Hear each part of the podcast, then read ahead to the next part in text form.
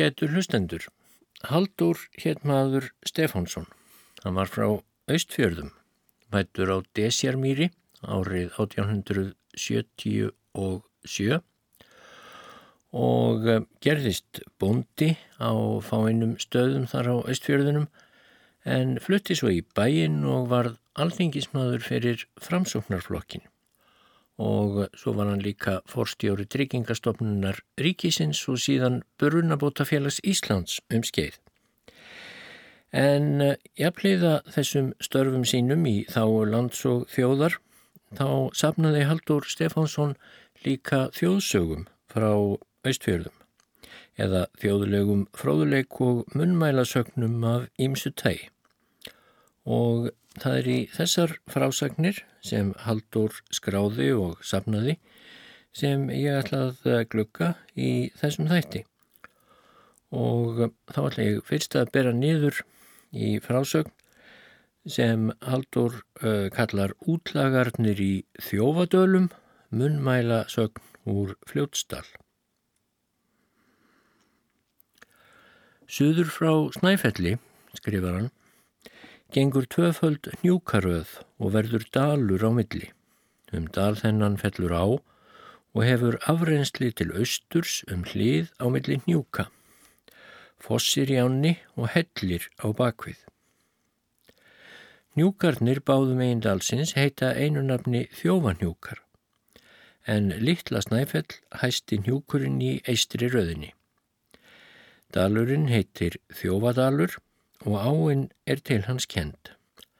Fossin heitir svo Þjófafoss og hellirinn Þjófahellir. Til þessara örnefna er sögn svo sem hér fer á eftir. Um miðja 14. öld var prestur sá á Valþjófstað er Ottur hétt. Svon átti hann sem svart höfði hétt og eina dóttur eigi er getið nafns hennar. Það var eitt voru nokkrir óspektar eða óbótamenn hlupust brott úr byggð til þess að koma sér undan yfirvofandi refsingu. Var þess brátt vart að þeir höfðu tekið sér bólfestu og stöðum þeim söður frá Snæfelli sem í upphafi var líst og hafa síðan verið við þá kendir. Bæli sitt höfðu þeir í hellinum bak við fossin, höfðu þeir þar víi gott áttu þeir og þaðan ekki langt að sækja til fjártöku á afrétti fljótstælinga. Fljótstælum þótti ílt að búa undir ágangi þjófa þessara sem hún var, en sáu enga kosti til að ráða þá af nema með stórri mannhættu vegna aðstöðu þeirra og örugs víis ef þeir væru sóttir heim með ófríði. Voru um þetta miklar umræður en framkvæmt enginn leið svo á sumarið. Um höstið nokkru fyrir göngur er enn rætt um þetta mál við kirkju að valþjófstað. Böðist þá pressónurinn svarthöfði til að gera tilraun til að koma útilögu þjófunum í hendur bænda, þannig að lítil mann hætta myndi verða að yfirbuga þá. Hvað hann ekki tímabært að ráðagerð sín yrði látin uppskáað sinni en fámundu bændur að vita sinn þátt í tæka tíð. Stöttu síðar kvarf svarthöfði en áður hafði hann haft launmæli við föður sinn, var hans því ekki leitað. Það er nú af svarthöfða að segja að hann fer á fund útilegu þjófana. Hveðstan vera komin sem nöðleitar maður á þeirra fund, hafi sig hens og ógæfa að geta barn með sýstur sinni og sé því dauðamadur og svo sýstir hans þegar uppvíst verði um brott þeirra. Þjófadalsmenn trúðu sögu svarthöfða miðlungi vel, en munu þó hafa talið sér hættulöst að taka við honum svo nauðuglega sem hann var stattur ef sönn var saga hans. Um fjárleitir þá um haustið fóru þjóðdælir ránshendi um af réttarfíi og öfluðu sér byrða til vetrarins. Tók svartöðu þátt í því með þeim og kvattið á fremur en latti, höfðu þeir þó á honum sterkar getur. Eftir að þjóðdælir voru sestir að í helli sínum skemmtu þeir sér sem bestir kunnu með glensi og gamni ímiskunar. En veturinn er langur og óvistlegur bústaðurinn, var þeim því döfleg vistinn þegar til lengdar létt. Þegar leið á veturinn tók svartöfði að inna að því við félaga sína að nú myndi sýstir sín léttari orðin, myndi henni nú brátt herfilegur döðda í búin ef ekkert er því að gert. Skoraði hann á þá félaga að veita sér líð til að nema hana brott. Væri það og tækifæri til að ná fleiri konum úr byggð ef djarflega og með ráðsnild væri eftir sótt. Yrði þeim og þá ekki jafn döfleg vistin í hellinum sem um veturinn ef þeir hefðu konur til að skemta sér við. Þjófdælum þótti svartöfða vorkunum áhyggjurnar fyrir hag sístur sinnar en uh, hins vegar gyrnilegt ef þeir getur náð konum á sitt vald til fylgilags. Indu þeir svartöfða eftir hver ráð hann sægi til að fá þessu framgengt. Svartöfði hvað þá bestatækifærið til að ná nógu mörgum og álitlegum stúlkum í einu væri að nema þær úr kirkju við messugerð. Álitlegast væri að sæta færi einhvern hátíðistak til dæmis á páskum eða kvítasunnu. Því þá væri jafnan við kirkju margt af konum og börnum en tilturlega færra af karlmönnum. Rættu þeir um þetta margt og varð áhugi þjóftæla því meiri sem lengur var umrætt kom þar að afráðið var að gjöra þessa tilraun á kvítasunnu um vorið. Nú víkur aftur sögu til fljótsdals. Stuttu fyrir kvítasunnu gjörir ottur prestur bóðum dalinn að karlmenn skildu fjölmenna til kirkju en konur og börn setja heima. Það fylgdi með að allmart af karlmönnum skildi búast kvennklæðum utan yfir fötum sínum er þeir væru fljóttir að varpa af sér en hafa vopn og barefli innan kvennklæðana. Fyldi þessum bóðum næg vittneskja um það hvað til stæði og hversu meðskildi fara. Búast nú til kirkjunar á kvítasunnu hvorir í sínulagi, fljótstælir og þjófdælir. Nokkru eftir að allir eru gengnir til messu ber þjófdæli að kirkjunni ruttust þeir nú inn og hugðust hafa hraðar hendur og grípa konurnar og komast út með þær án þess að til átaka kemi, skildu þeir því vopn sín eftir utan dýra og settu menn til að gæta þeirra. En jafn skjótt sem þjófdælir voru komnir inn um dyrnar stóðu á þeim barefli og vopn hvaða næfa.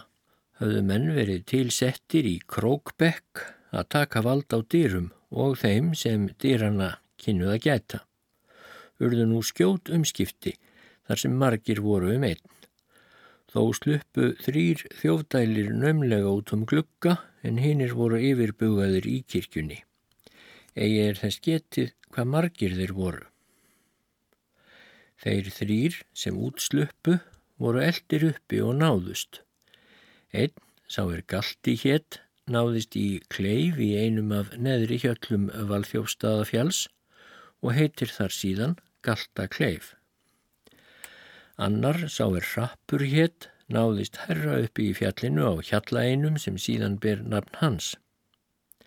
Hinn þriðji leitaði undan inn Norðurdal fljótstals, sá er nefndur Vali eða Valur. Hann náðist í Kleifarfjalli og heitir þar síðan Valahjalli eða Valshjalli. Afdrif og endalíkt þjófadalsmanna varð svo að þeir voru allir hengdir við gálgaklett út frá Valþjófstað og dísjaðir síðan á bæjarhjallanum inn og upp með bænum. Hefur dís þeirra síðan verið kölluð ímist þjófadís eða þrælaleiði. Það er frásagnir Haldórs Stefánssonar sem ég er að lesa í þessum þætti. Það er byrtust allar í einmreiðinni á árunum upp úr 1945 og þar á meðal er einn frásögn sem ber fyrirsögnina Fyrirburður Guðmundar Snorrasonar í Sauðakofa aðfaranótt 3. september 1884 og það fylgir sögunni að þar styðjist Haldur við frásögn Einars Eiríkssonar frá Eiríkstöðum. Frásögnin um fyrirbörðin, hún er svona.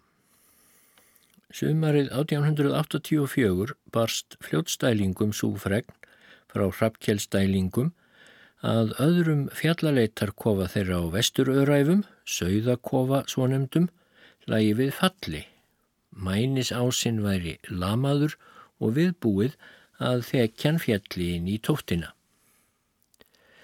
Vestur Öræfi er einn hlutin af hinnu víðlanda afréttarlandi sem tilheyrir fljótsdal, vestasti hlutin og liggur austanfram með Jökulsá og dal, suður og suðvestur frá Hrafkjelsdal, allt suður í Vatnajökul.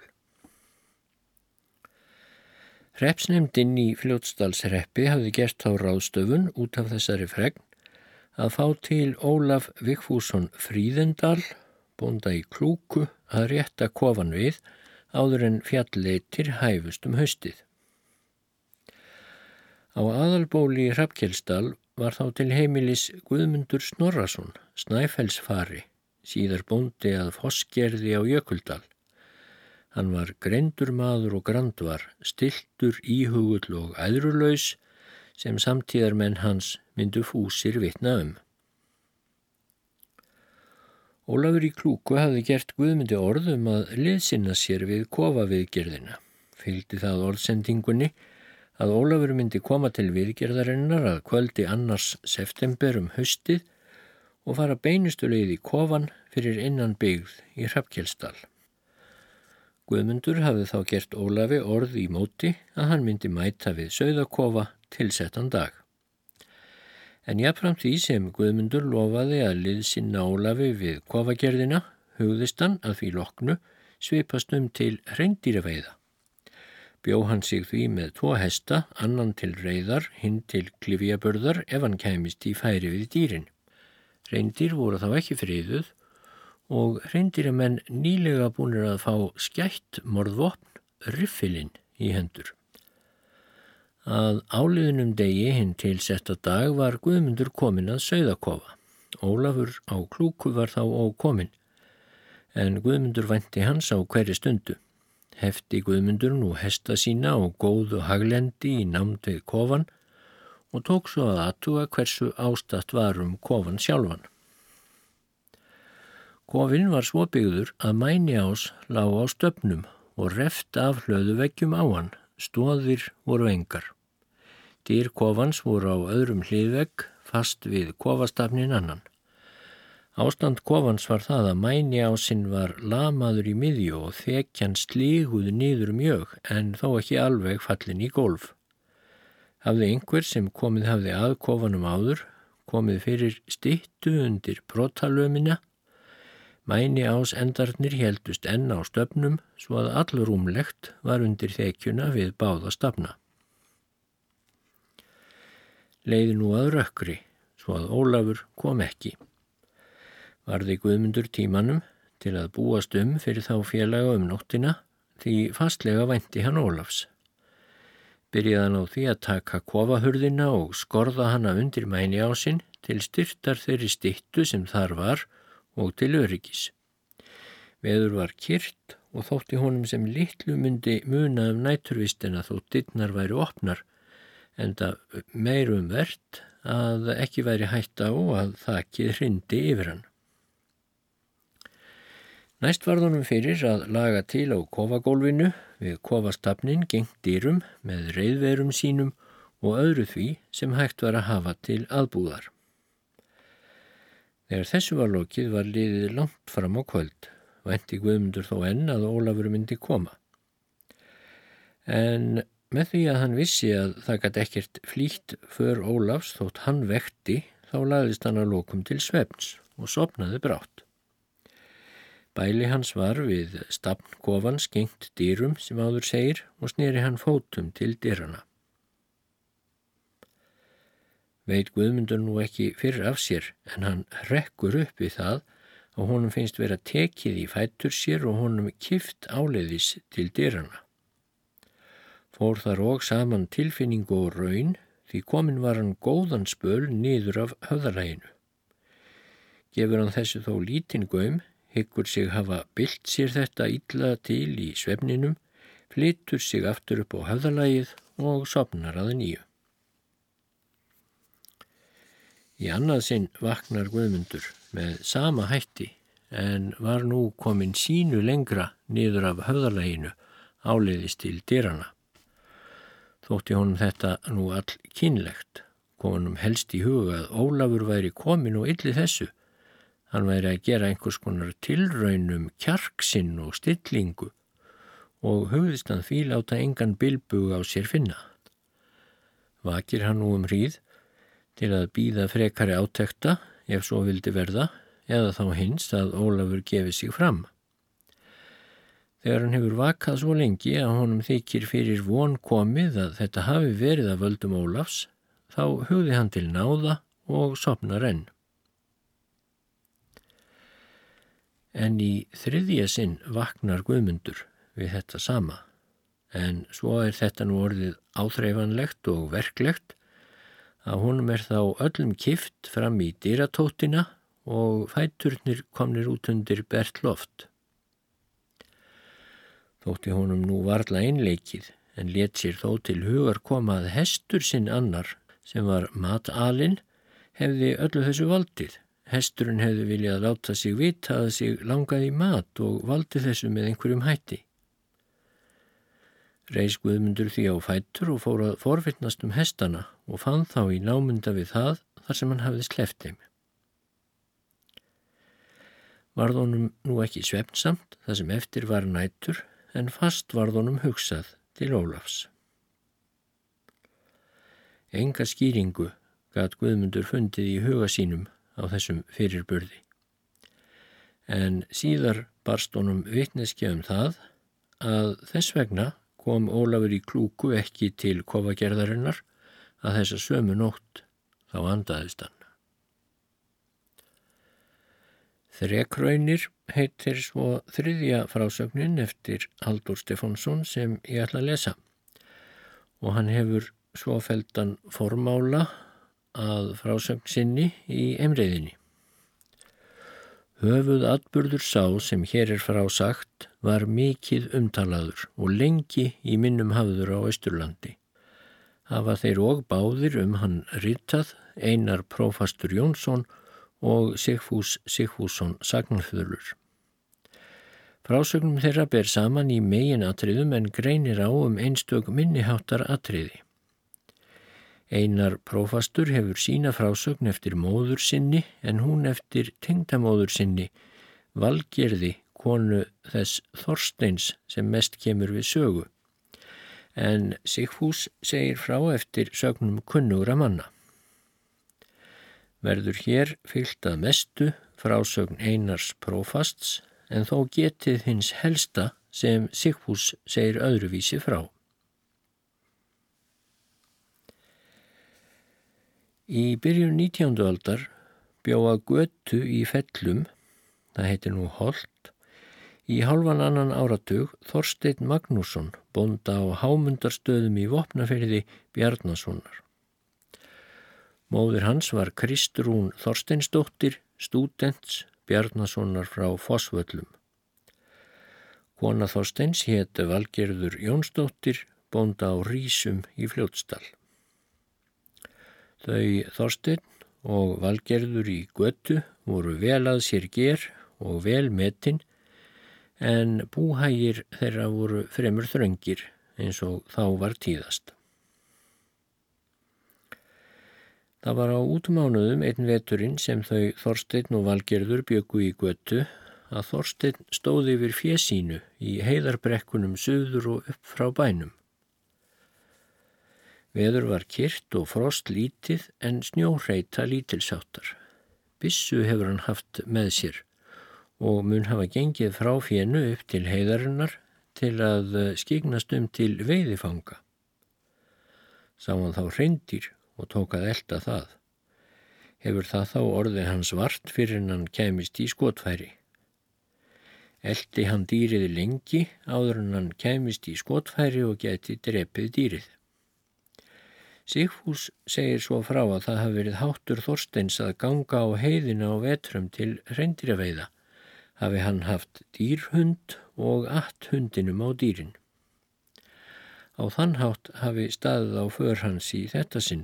Hann hafi hitt fyrir hóp dýra og eld hann inn og vestur undir uh, miðheiðarháls, þvert af arnheiðarstöðum, sem eru tvær langar bæjarleiðir, áður en hann fjekk að lokum höndlað dýrið. En dýrið fjell og tók Þorstin nú að flá dýrið og lima það sundur, tók feldin, batt saman ganglímina og lagði kvortvekja og bak sér til heimflutnings. En þá hafði veður svo breyst að komin var snjóbílur og fór óðum harnandi. Hefur það sennilega verið norðaustan veður. Stefna slíkra veðra er um heiðina endi langa. Sigfú segir að hann hafi tekið með sér aðeins annan bógin auk feldarins. Þorstein helt svo af stað með byrði sína en vissi þó ekki hvert halda skildi. Svo hann leitaði undan veðri, hefur líklega haldið að áttin væri norðurlæg svo að sig bæri austur af heiðinni undan veðrinu. En þegar myrt var orðið af nóttu bjóst Þorstein um og skildi sér með hreinfeldinum. Má ætla að hann hef ekki færið langt um kvöldið og lagst fyrir í þeirri vonað uppróf yrði á hríðinni að morni. Það var þó ekki. Hríðin stóð óslitið mörgum dægurum saman. Var Þorstein nú orðin ramviltur sem von var en helt samt áfram þegar dagaði undan veðrinu og bar feldin og ganglimina. Segir ekki af aðgreiningu dags og nættur í þessari ferð Þorsteins en þar kom að hann skildi eftir ganglimi reyndirsins á hæð einni mikilli og reisti þá upp sem trönur en helt áfram með feldin. Að lyktum þekkti hann sig hjá þúfu einni stórri innundir fellum sem svo eru nefnd á fljótstalsafréttum norður og austur af Snæfelli. Sigfú segir að það hafi verið við vörðu norður af Kleif þar sem úti hafi orðið nokkrum árum áður Sölvi, bróðir valgerðar konu Þorsteins.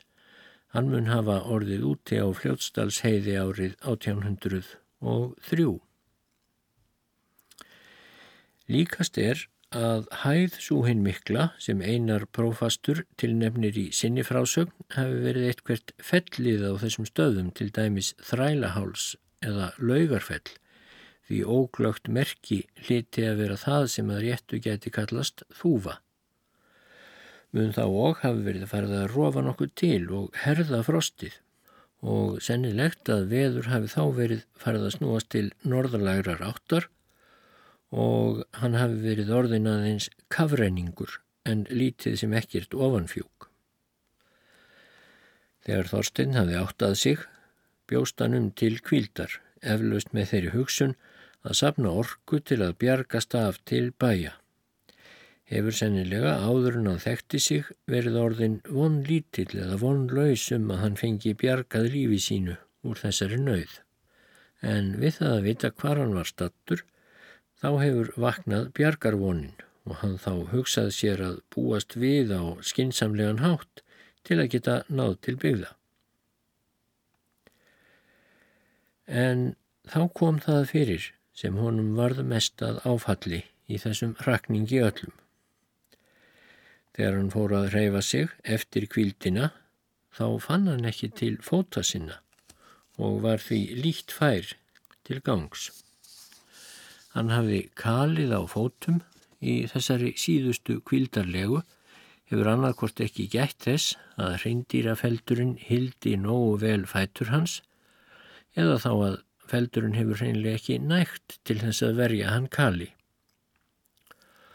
Þó dróst Þorstein á stað af veikum mætti og við miklar þrautir áleiðist til byggða.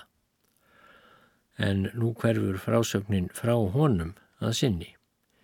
Því nú víkur sögunni til bóndans á kleifi fljótstal þar sem hann stóði yfir fjesínu inni á Kleivardalnum allangt inn frá bænum.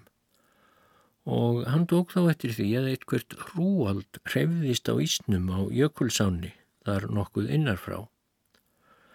Brástan við til að forvitnast um hvað þetta væri, en þar var þá Þorstein komin, skrýðandi á höndum og knjám og með feldin yfir sér.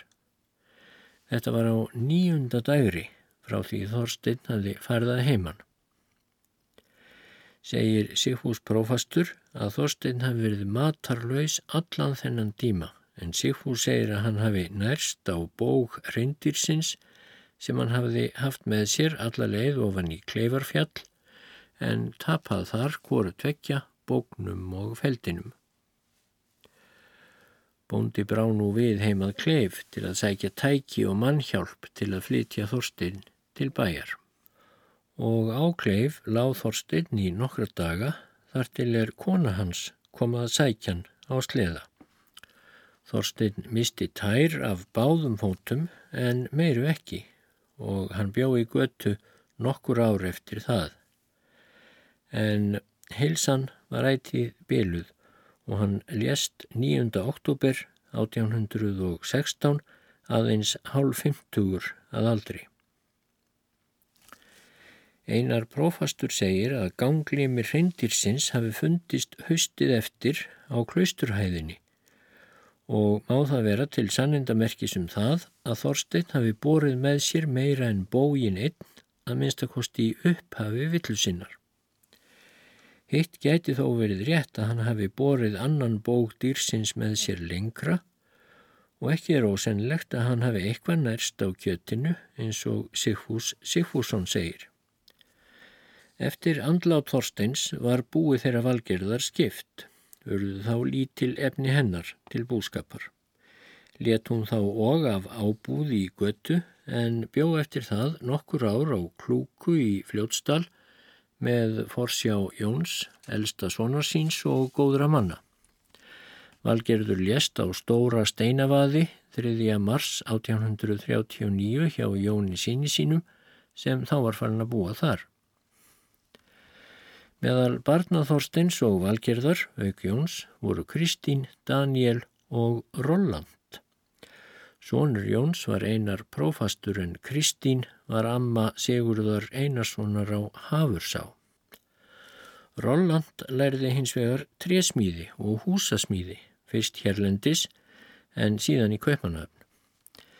Eftir heimkomuna var Rolland við smíðar hjá bændum hér og þar, meðan annars byggði hann baðstofu fyrir Hallgrím Bonda á skeggjastöðum á Dal. Á jólaföstu hafði Rolland lokið smíði baðstofunar og ætlaði til smíða að Arnheiðarstöðum.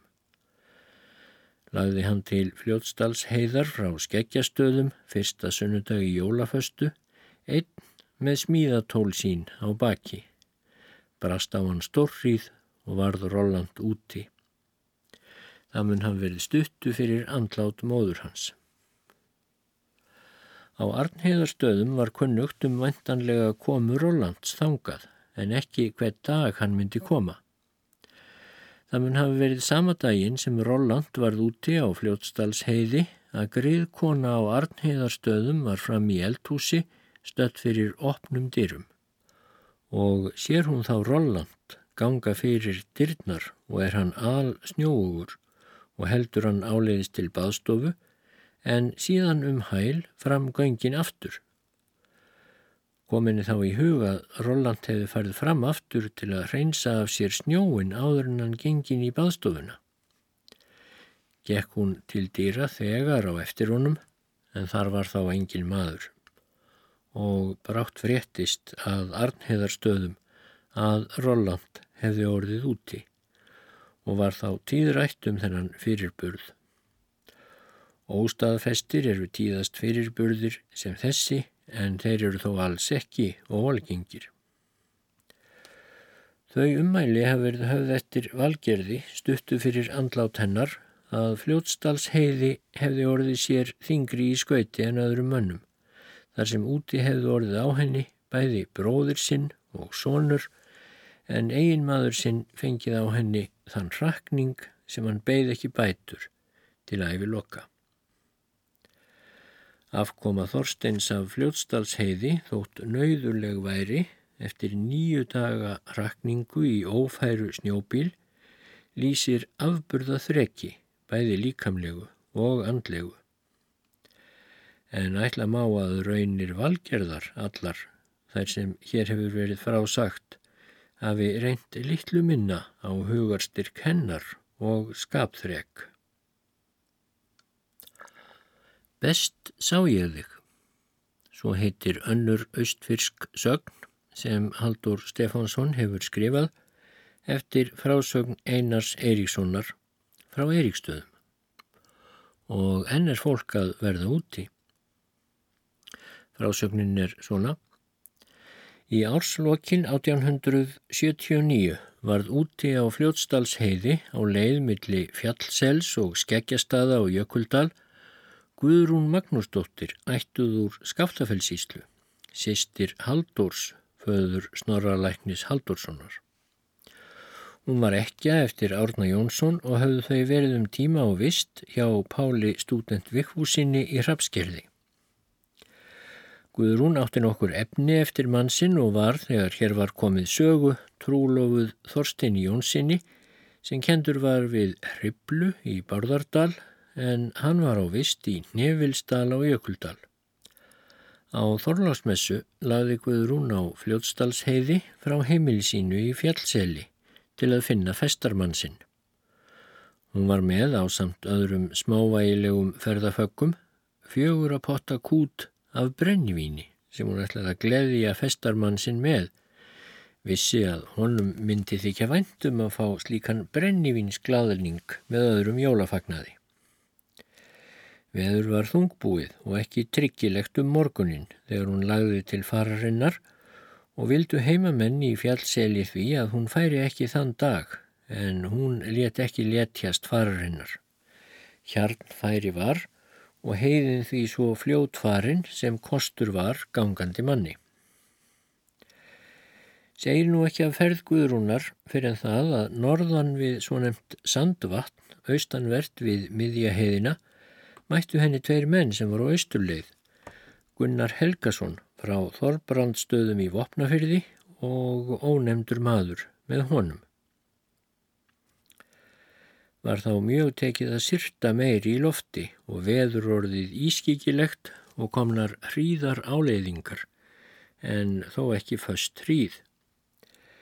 Þeim tvímenningum þótti óvænlegt um ferð hennar á móti veðrinu og vildu fá hana til að snúa aftur með sér, en við það var ekki komandi. Fór svo kort sína leið. En veðrið fór nú harnandi og endaði með norðan kavalds snjóbíl. Í fjallsel fréttist af ferð Guðrúnar eftir þeim Gunnari og samfylgdarmanni hans hugðu menn að hún hefði komist af heiðinni þar sem menn vissu hana mikla þrek konu og einhuga mjög. Þó voru menn ekki auglauðsir með öllu. Með Guðrúnu var tík sem hún átti, kvolpafull. Á þriðja í jólum kom tíkin heimi í fjallsel, þótti þá uggvæntum för Guðrúnar og var strax næsta dag sendur maður í Nevilsdal.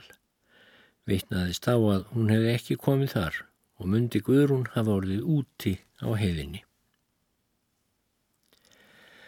Mönnum var þegar sapnað bæði í Fellum og Jökuldal til að leita Guðrúnar og meðan leitarmanna var Guðmundur Þorfinsson á vist hjá Þorvarði lækni Kjærúlf á Ormarstöðum en síðar lengi til heimilis á skriðuklaustri hjá Haldóri Benedikt sinni.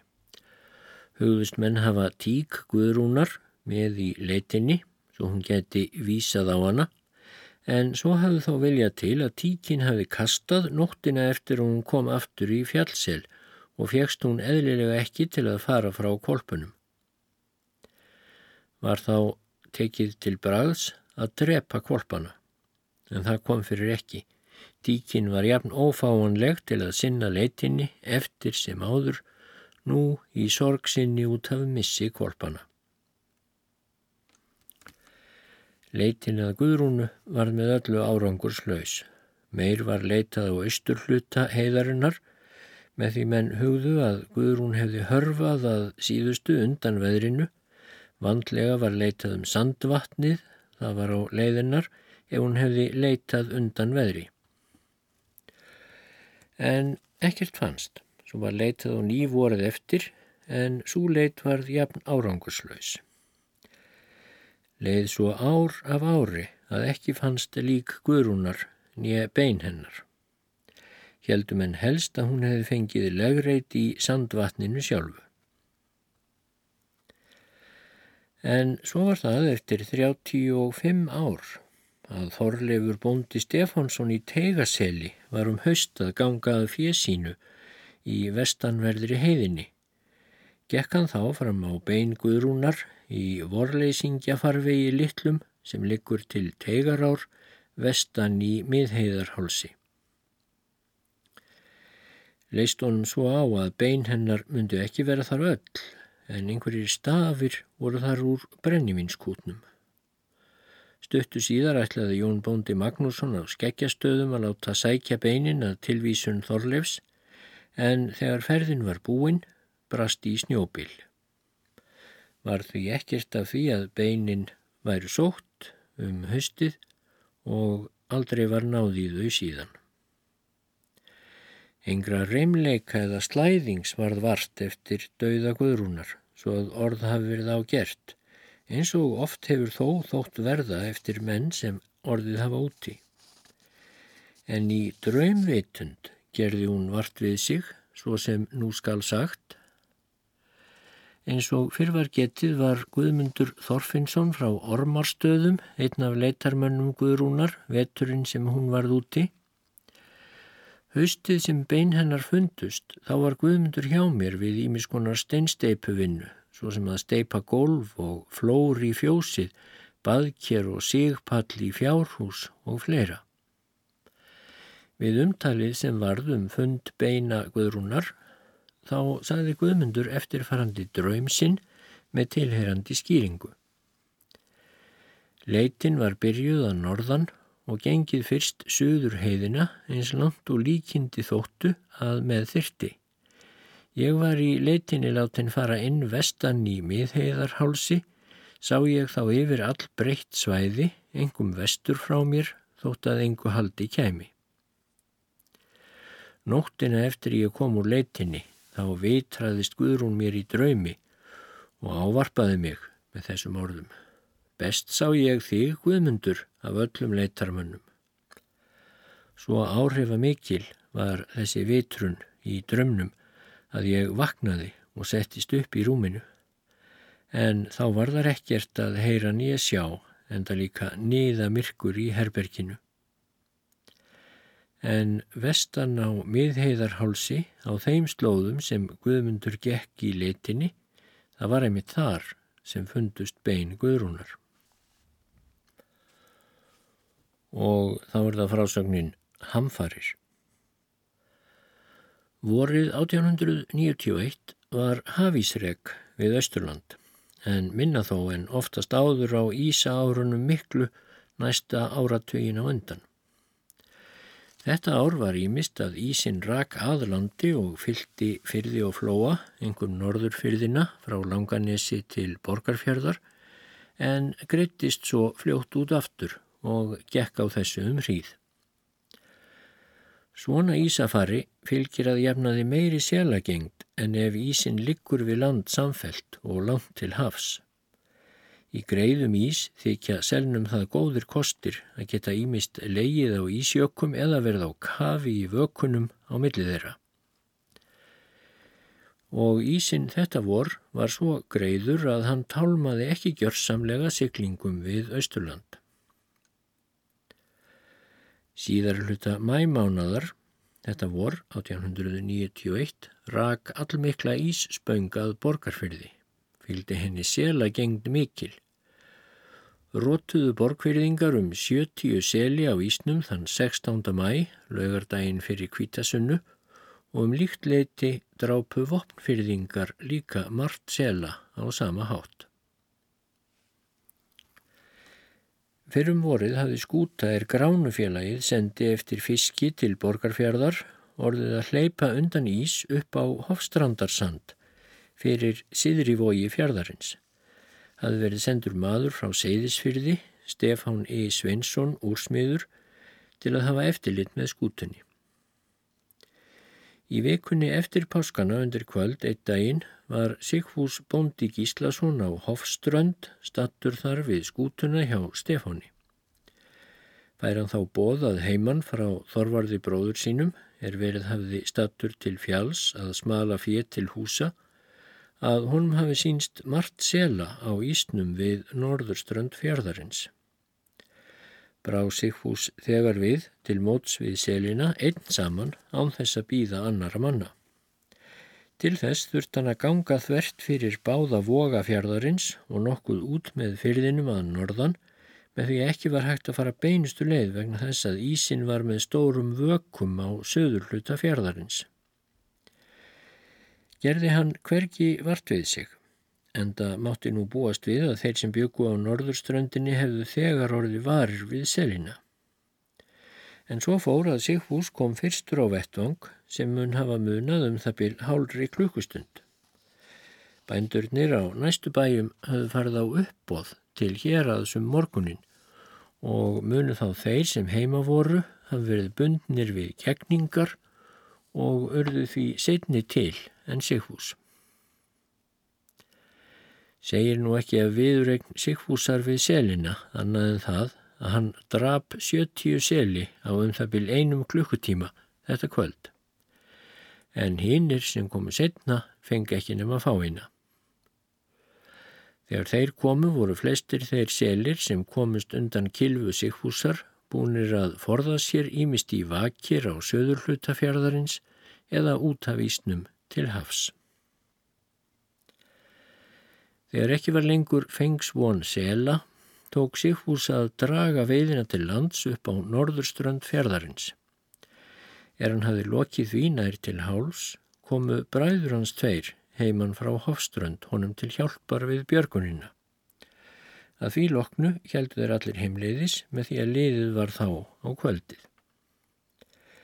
Ekki hvaðst Sigfús hafa fundið til þreitu meðan á seladrápinu stóð nýja heldur við það að bjarga veiðinni til lands. En á heimleiðinni fjall á hann ómegin svo mikið að með herkjum komst hann heim. Að mornin næsta dags eftir nætur kvildina voru eftirkost engin, en það var þetta ekki fyrsta sinn sem Sigfús gekk svo hart til verks að hann örmagnaðist á eftir. Augljóst mál er það að Sigfús hefur gengið hamförum að selnum. Hann hefur eflaust verið meira en ein hamur meðan á atgöngunni að selnum og björguninni stóð og gengið sankallaðan berserksgang sem svo hefur verið kallaður. En þegar af honum var runnin berserksgangurinn við seladrápin hafa komið fram þau eðlilegu enkenni of þreitu sem einmitt er líst í fornum sögnum hjá þeim sem gengu berserksgang eða fóru hamförum. Ef frásögn þessi hefði verið sögð eða í letur færð, svo löngu síðar en hún gerðist að engum sönnunum gæti orðið viðkomið, þá má ætla að hún væri álitin mjög úr lægi færð eða stórlega ykt. Engin einn maður geti drepið svo marga seli á svo skömmum tíma nýja bjarga þeim síðan til lands.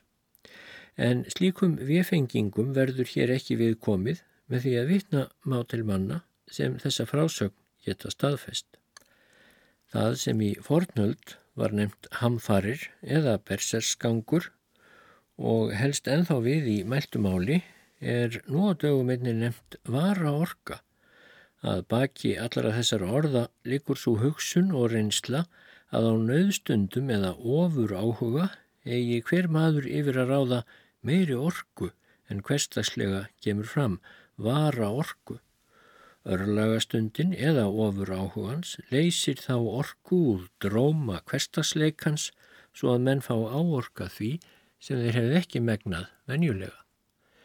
Mísjaflega trekt virðist vera um það að þessi vara orka leysist úr dróma hverstasleikans. Þeir menn sem hún leysist oft og örlátlega hafa verið kallaðir ekki einhamir, líkt og Sigfús var ekki einhamur við seladrápin. Margir menn myndi geta sagt frá sambærilegum atbyrðum úr reynslu sinni, en jafnan mun þá hafa fyllt ómegin á eftir hafið þeir verið af þessum toga spunnir. Svo er það einnig í frásögnum fornum að þegar afir runnin bersesgangurinn þá fjall á menn ómáttur eða ómegin. Sigfús var fættur 5. februar 1867 og hefur því verið í brotti lífsins er þetta gerðist. Hann hefur verið ofurmenni til burða sem til verka en líkt vildi hann halda því á lofti.